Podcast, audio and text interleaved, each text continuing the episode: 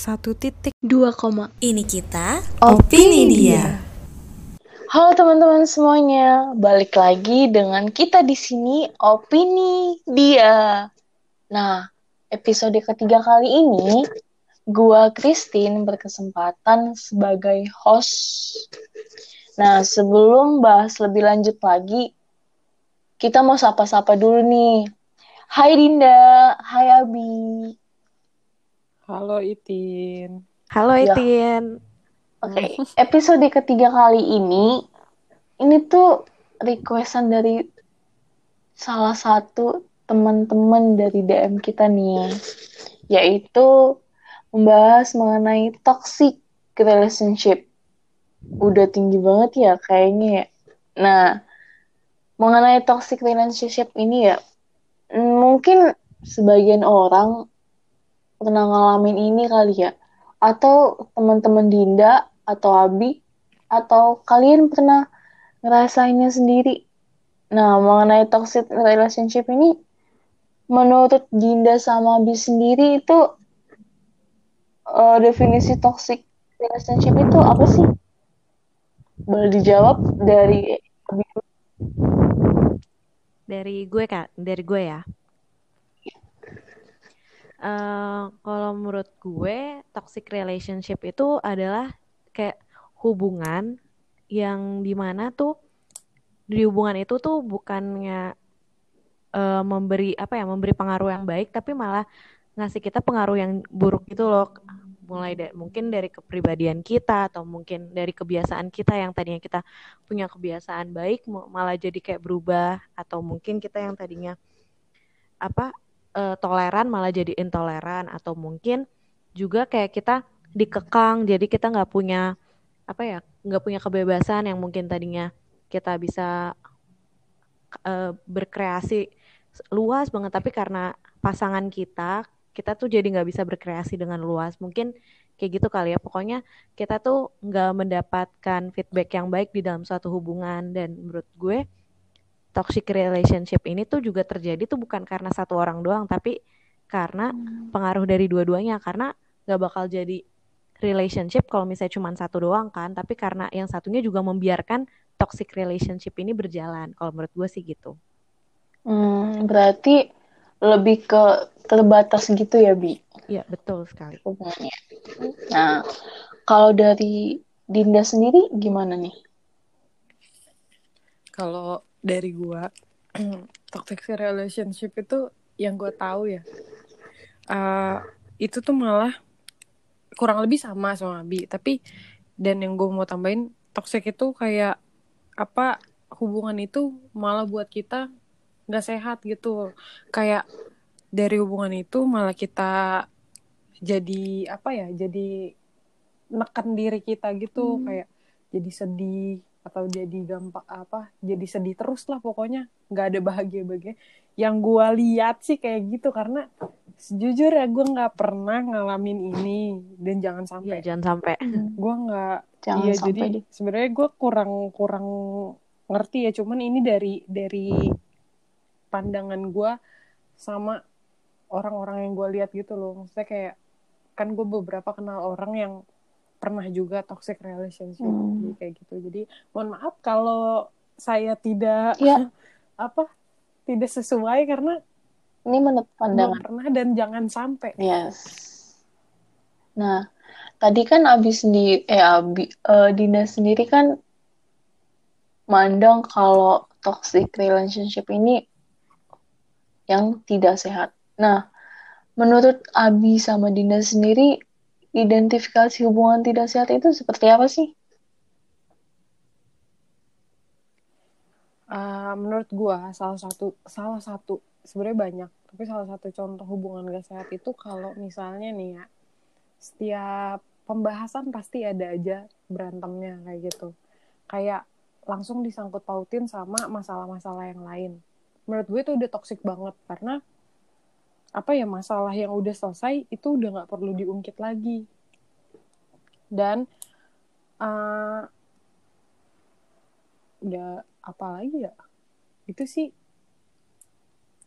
Berarti contohnya salah satu contohnya. Hmm, kalau dari Abi sendiri? Eh, kalau dari gue ya, mm, toxic relationship sama kayak di awal tadi gue dibilang kayak mengartikannya, jadi kayak ruang gerak kita tuh jadi terbatas gitu loh, dan juga tuh kita kayak gimana ya, kita jadi nggak berkembang dalam suatu hubungan, padahal sebenarnya kan di dalam suatu hubungan tuh harusnya kita bisa lebih berkembang lagi, bisa lebih baik lagi, karena kalau gue basicnya gini, pemikiran apa ya, kayak simpelnya gue mikir gini kalau misalnya gue suatu saat nanti akan berhubungan atau berpasangan gue mikirnya gini satu tambah satu aja dua. Kenapa nanti kalau misalnya saat gue berhubungan kenapa yang gue punya tuh nggak bertambah jadi kalau misalnya Oh. apa yang ada di diri gue nggak bertambah ya gue merasakan itu berarti toxic relationship karena gue nggak bisa apa ya nggak intinya gue nggak bisa belajar dan nggak bisa mengembangkan nggak diri nggak nggak dapat nggak dapat hal Iya, betul. gitu. Benar. kalau menurut Nah. gue sih simpel gitu aja Nah, kan tadi Abi sama Dina sendiri eh, ba- apa namanya? bahas kalau toxic relationship ini eh, ada ruang yang nggak bisa membuat kita bebas. Nah, itu eh, membuat ruang tidak bebas itu sebenarnya kita sendiri itu merasa sadar atau nggak sadar sih? Gimana? contoh relevan dari Iya, contohnya boleh boleh di ini contohnya. Kalau menurut gue di yang gue lihat berdasarkan pengalaman gue ya, kan karena gue ada beberapa ini beberapa kenalan yang kebetulan gue lihat mereka tuh mempertahankan untuk berada di hubungan yang seperti itu. Jadi gini loh, gue bilang mereka gerak bebasnya mereka nggak bisa bergerak bebas. Maksudnya tuh gini, kayak bisa lihat contohnya kayak pertemanan. Mereka tuh dikekang gitu loh, kayak maksudnya dibatasi mereka tuh kayak dikasih tembok lu cuman boleh main di, sama orang-orang orang ini gitu loh. Lu kalau misalnya mau main sama yang lain tuh nggak boleh.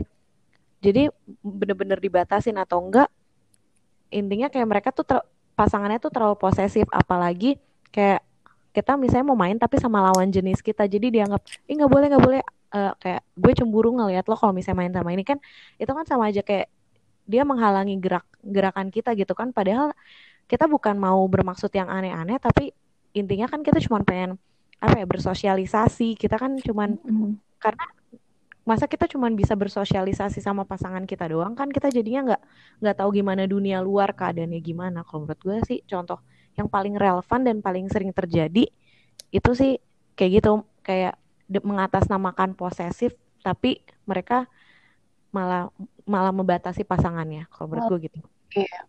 Hmm, berarti kayak eh, udah lu sama kayak ibaratnya ya bisa dikatakan udah lu sama gua nggak boleh sama yang lain gitu ya. ya betul Kalau Dinda sendiri? Kalau menurut gue ya, di sini gue pengen uh, ngasih contoh toxic relationship yang uh, dalam pacaran ya. Iya. Gue nggak tahu kalau dalam rumah tangga atau dalam persahabatan juga. Cuman ini yang gue mau bahas tentang dari pacaran. Gue tuh suka sebel sama uh, orang-orang yang kalau misalnya gue ajak main ya atau temen gue atau siapa pun yang eh ayo ke sini. Aduh gue nggak boleh nih sama pacar gue. Terus eh eh, ini kayak gini yuk kayak gini yuk. Gue nggak boleh nih sama pacar gue pacar lu siapa? Pacar lu siapa? Sampai lu harus izin sama dia dan nurut sama Hmm. dia. Kenapa lu nggak izin sama orang tua lu? Gue tuh mikirnya kayak gitu loh. Kayak lah pacar lu ada hak apa atas diri lo? Kayak gitu. Kecuali lu udah ada ikatan yang emang lu eh, kayak tunangan atau iya tik- ikatan yang pasti kayak tunangan atau menikah lah pacar anjir. Ya, pasti gue tuh sampai sekarang masih mikir. Jujur gue tuh masih mikir kalau kalau misalnya eh dia ngelarang untuk si cewek ini main contoh contohnya misalnya teman gue cewek. Contoh ah, kalau misalnya dia ngelarang temen gue untuk main sama cowok lain itu mungkin ya gue nggak tahu lah urusannya beda. Cuman kalau ngelarang main sama gue lah kenapa ngelarang sama gue maksudnya gue juga lebih kenal temen gue duluan daripada lu kayak gitu kan Iya. gue tuh bingung banget sama sama yang mau bahkan mau even mau beli apa pun kayak nggak boleh lah duit duit lu beli beli aja gue gituin kan maksudnya kayak sumpah gue sebel banget sama orang kayak gue nggak boleh sama cowok gue udah lu nggak usah main sama gue pengen gue gituin anjir Berarti ibaratnya kayak yang larang-larang gitu ya. Apa-apa nggak Iya, boleh, kayak- apa-apa nggak boleh. iya tanpa ikatan yang resmi Iya, gitu loh. juga Iya, lu gitu ya. Iya makanya kayak lu nggak diikatin ngapain lu ngelarang? Kecuali ngelarangnya dalam hal-hal yang emang gak baik gitu loh. Misalnya jangan jangan narkoba. Hmm. ngelarangnya kayak gitu. Tapi ya emang maksudnya contohnya kayak gitu ngelarang dengan hal yang gak baik. Lah ini kalau cuma main sama gue doang nggak boleh gara-gara cuma boleh pergi sama dia. Lah kenapa lu? Kan gue gitu nanya Oke, Eh, membahas tadi mengenai posesif lah, dilarang, nggak boleh ini, nggak boleh itu. Itu karena ada faktor apa sih menurut Dinda sama Abi sendiri? Ada faktor apa sih? Kenapa lu nggak boleh ini nih, lu harus sama gua? Itu kenapa tuh? dari Dari Gua kali ya, Abi tadi. sendiri, boleh. Abi apa gue Abi, nih Abi, gantian. oke Abi Oh, kalau dari gue ya, kenapa sih bisa nyampe ada?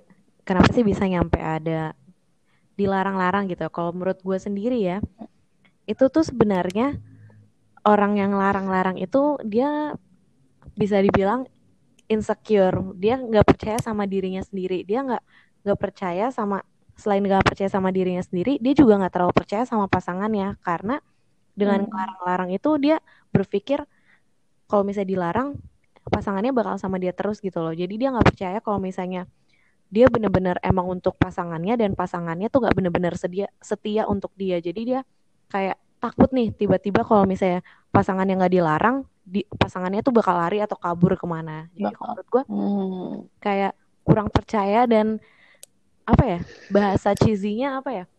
Kayak dia nggak percaya cintanya dia tuh nggak sebesar itu gitu loh. Kalau Iya, takut gitu. ditinggal gitu lah ya. Iya gitu. Kalau menurut gue. Kalau menurut Dinda? Menurut gue juga sama sih kayak Abi karena dia nggak percaya sama nggak percaya sama orang itu. Jadi ya udahlah gue turutin daripada dia pergi gitu kan. Padahal mah kalau udah kayak gitu tinggalin aja karena hubungan lu nggak baik dan pasti ada orang yang lebih baik kayak gitu loh. Kalau emang dia ninggalin lu berarti itu dia nggak baik buat lu. Jadi emang pasti ada orang yang lebih baik kayak gitu. Dan karena itu juga kali ya karena udah ngerasa saling Saling memiliki memiliki, benar. Kayak serasa saling memiliki gitu. iya kayak kayak udah lu cuma punya gua Iya. gue cuma punya lu apaan sih pengen gue gituin dah orangnya Dan gue ada tambahan, gue tiba-tiba keinget eh, ini Apa tuh? faktornya itu juga menurut gue karena mereka udah terbiasa. Faktor terbiasa gitu loh, Mar. Karena Saling bersama gitu. iya, terbiasa apa apa iya, berdua gitu karena ya. gue pernah baca ada kasus yang jadi nih ada cewek nih udah dianiaya kayak gimana pun udah kayak teman-temannya udahlah tinggalin aja pa- ngapain sih pertahankan pacar kayak gitu gitu loh. Lo disakitin masa disakitinnya udah secara mental secara fisik pula kan tapi dia bilangnya kayak Iya. enggak nggak bisa gue udah nyaman sama dia gue cinta banget sama dia. Sebenarnya dia tuh karena terlalu terbiasa sama adanya laki-laki ini jadi dia kayak gimana? Kalau misalnya dia tiba-tiba laki-laki ini pergi dia tuh tuh terlalu gimana ya? Merasa dia merasa kehilangan dia merasa kayak nggak gue nggak bisa kalau misalnya hidup tanpa laki. Mendingan gue pertahanin aja yang penting ada dia. Menurut gue itu sih yang nggak masuk iya akal. itu udah jatuhnya memang itu. kebucin ya ya? bucinnya tuh Iya, bener. terbiasa. Menurut gue nyaman di Terbiasa. yang iya bucinnya tuh kayak udah udah nggak realistis aja gitu loh. Kenapa? Misalnya ada juga kan contoh kasus yang sampai eh, kekerasan kayak Iya. gitu digamparin atau ditonjokin tapi masih bertahan sumpah menurut gue itu dia nggak mikir pakai otak anjir cuma mikirin Mungkin itu karena gitu doang ini selalu cinta kali ya atau apa gitu. iya cuma maksudnya kayak dia bener-bener cuma ngikutin hatinya Iya. doang otaknya eh, maksudnya logikanya nggak dipakai gitu benar. loh kenapa sih tolong berilah kecerdasan untuk orang-orang di sana yang kayak gitu lu nggak bisa nyakitin diri lu dengan kayak gitu anjir maksudnya ya harusnya lu sadar kayak lu tuh berhak untuk mendapatkan yang lebih baik daripada Lebih baik nah yang bener yang lu dapetin sekarang harus ada gitu loh ya. Apalagi iya ditambahi dengan kekerasan fisik, temperamen kayak gitu kan Nah, ya benar-benar itu gimana kalau di Oke. posisi Iya. kalian itu seperti apa? Kalau kalian di posisi itu gimana? Kalau gue ya ini kalau gue ada di posisi itu gue mau ketinggalin karena gue tipe orang yang apa ya gue mikirin apa ya logika sih pakai logika kalau apa apa maksudnya atas dasar apa gue bilang cinta ke dia kalau misalnya dia kayak gitu? Maksudnya dia kasar dia nggak baik perilakunya kayak gitu. Lah terus gue cinta sama dia tuh karena apa anjir? Maksudnya Iya. ya karena apa? Nggak ada yang diandelin dari dia kayak itu menurut gue di situ posisinya gue goblok sih kalau gue tetap apa kalau gue tetap ngejalanin. Ini sorry ya teman-teman gue ngomongnya langsung to the point karena kalian emang bener-bener kalau misalnya salah satu dari kalian ada yang ngalamin ini kalian tuh harus bisa keluar dari Iya. situ karena Harus kalian bisa berdiri di kaki kalian sendiri dan pasti pasti ada orang yang jauh lebih baik di luar sana buat kalian kayak gitu loh Benar-benar. Kalau dari Kalau gue sih hampir sama kayak Dinda. Malah gue tuh tipikal yang gimana ya? Apalagi kekerasan ya. Gue tuh sensitif banget sama yang yang namanya kekerasan fisik. Jadi pertama yang ada di pikiran gue tadi setelah mendengar pertanyaannya Itin adalah pertama gue nggak gue bisa meyakini diri gue sendiri gue nggak akan dapat pasangan seperti itu. Tapi kalau misalnya pahitnya pahitnya gue mendapat pasangan seperti itu yang amit-amit lah ya. Yang pasti sekali kekerasan terjadi sama gue misalnya gue dapat kekerasan itu gue akan langsung putusin sih. Gue nggak gue tuh tipikal orang yang gampang in- eh, apa gampang ilfeel jadi satu Hmm. ada kesalahan itu gue tuh bisa yang misalnya tadinya gue kayak suka banget sama dia tuh gue bisa tuh bener-bener kayak langsung ilfeelnya down banget cuman karena satu kesalahan kalau menurut gue. jadi kalau misalnya gue mendapatkan pasangan yang seperti itu gue akan mutusin dia sih. Dan buat teman-teman juga kalau misalnya dapet pasangan kayak gitu please banget gue tahu ini bakal susah buat kalian lakuin dengan alasan kalian sayang kalian cinta dan kalian segala macem lah. Gue tahu itu susah tapi coba deh kalian kembali ke logika kalian masa sih gini loh orang tua lo udah istilahnya ngerawat lo nih dari lo kecil sampai lo sekarang besar nyampe lo bisa nyari pasangan. Tapi lo malah menyerahkan diri lo ke pasangan yang nggak bisa merawat lo seperti orang tua lo kan gitu. Ya harusnya lo bisa Yes. memberanikan diri at least untuk diri lo dan orang tua lo yang udah membesarkan lo dan merawat lo. Gue sih gitu bener banget kalian bener-bener harus ngejaga diri kalian kalau kalian tuh berharga Iya betul Iya, bener. Apalagi kita sebagai wanita. Bener Nah, nggak? buat ya buat cewek tuh bener-bener harus ngejaga Ya, dijaga. kalian tuh berharga mau cewek mau cowok sebenarnya tuh sama aja betul betul Eh, Iya, mungkin gue mau betul. cerita sedikit kali ya Boleh, boleh. Boleh ini Boleh, pengalaman seseorang yang gue kenal sih Gini. dia gue melihatnya dia tuh dia berada di toxic relationship. Jadi eh toksiknya itu tapi bukan toxic secara fisik ya gue lihat. Jadi pertama sebenarnya yang bikin gue pertama ngelihat oh nih ini berada di toxic relationship pertama. Orang tua dari pihak cewek ini tuh nggak setuju sama eh, pasangannya yang dipilih. Jadi, nah tapi kayak nggak tahu kenapa pasangan ini tuh kayak bener-bener mempertahankan gitu loh. Mereka bener-bener mempertahankan kayak bodoh amat lah mau orang mau nyokap bokap lu ngomong apa. Pertama di situ gue udah udah mulai ngeganjel ngelihatnya walaupun sebenarnya mungkin normal aja di luar sana mungkin ada yang kayak susahnya dapat restu gitu kan. Nah tapi setelahnya itu setelah gue lihat-lihat lagi di pasangan ini di orang yang gue kenal ini kok kayaknya makin ke sini nggak makin gimana gitu. Karena si ceweknya itu kayak dalam tanda kutip membiayai si cowok secara finansial. Gimana ya? Hmm. gue Oke. gue bukan tipikal orang yang gimana ya dibilang tapi gue juga termasuk sih gini. Gue tuh termasuk di dalam salah satu kategori yang berpikir cowok harus membiayai perempuan. Kalau gue sih gue pribadi gitu Iya, karena Bener. ajaran di keluarga gue kayak gitu. Nah tapi melihat ini Hmm. kok tiba-tiba ini ya gitu. Iya Kebalik kebalik gitu. gue mendefinisi mendefinisinya wah nggak benar nih hubungan. Terus setelah itu gue pernah jalan nih sama pasangan ini. Terus gue ikut kan gue ikut sama pasangan ini. Terus tiba-tiba yang bikin gue makin gimana ya down lagi ngeliat nih sosok. Itu adalah kita pergi makan tapi tiba-tiba dengan tidak tahu dirinya lelaki ini dia tuh kayak minta bayarin Hmm. sama gue dan di sini sebenarnya posisinya itu Wow.